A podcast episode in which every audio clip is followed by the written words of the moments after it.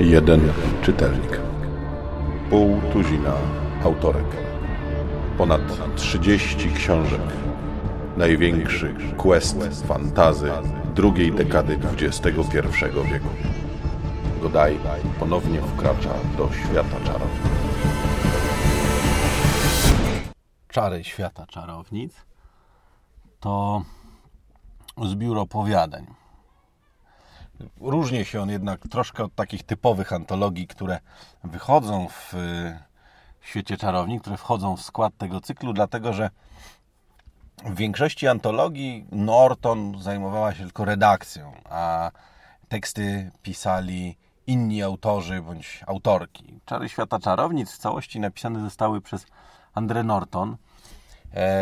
E, drugą rzeczą, które je wyróżniają, jest to, że są tam trzy opowiadania, wszystkie trzy e, dzieją się w Hajhalaku.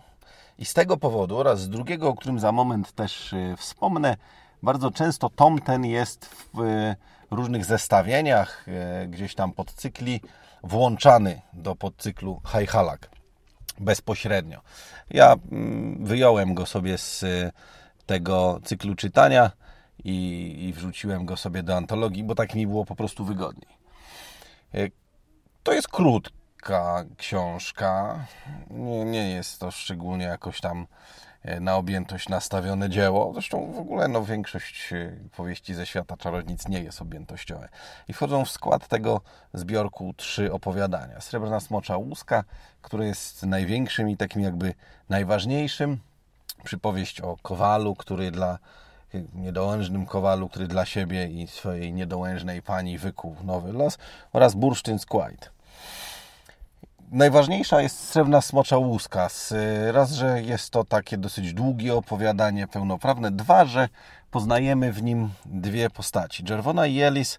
Jeżeli ktoś czytał cykl, bądź być może słuchał uważnie, to zorientuje się, że są to postaci, które potem pojawiają się w trylogii Gryfa.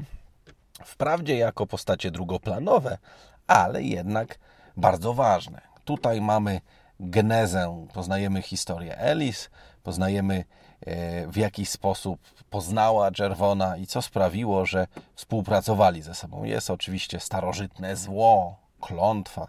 Generalnie w Hajhalaku mieli do tego fart.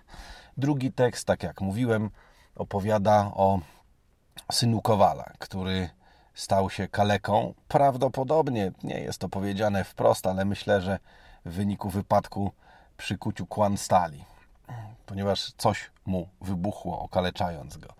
Dla e, dziewczyny, równie jak on, niedołężnej córki miejscowego lorda, postanawia przygotować lepszy los niż szykuje jej rodzina.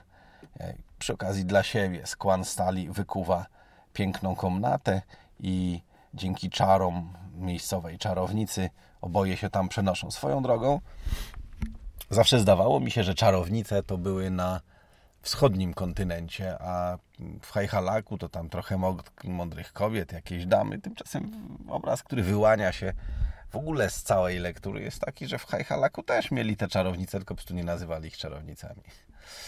Y, Bursztyn Squad, ostatni tekst y, Cóż jest tutaj znowu dobro, zło, starożytny artefakt, który jak narzędziem posłużył się człowiekiem, w tym wypadku wydaną za mąż kobietą.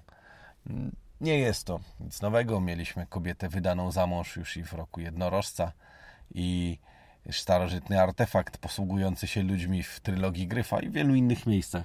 Także cóż mogę powiedzieć? Fajny jest e, fajna jest srebrna smocza łuska właśnie przez ten taki dodatkowy wzgląd. Ja bardzo lubię takie e, rzeczy jak to, kiedy autor rozwija gdzieś pewne poboczne wątki, dopowiada coś, o czymś informuje. Ja wręcz powiem szczerze, lubię to do tego stopnia, że w swoich własnych tekstach też staram się robić takie rzeczy i wyposażać moje postacie w dodatkowe historie, które są tylko ich własne. To mi się podobało.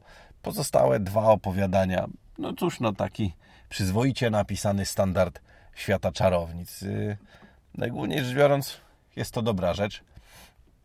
I cieszę się, że od niej zacząłem. Chociaż y, potem zdaje się, będzie trudniej. No cóż, no. Sam chciałem. Zdaje się, że to już wkrótce będzie półtora roku, odkąd cisnę ten quest, ale trzeba być twardym.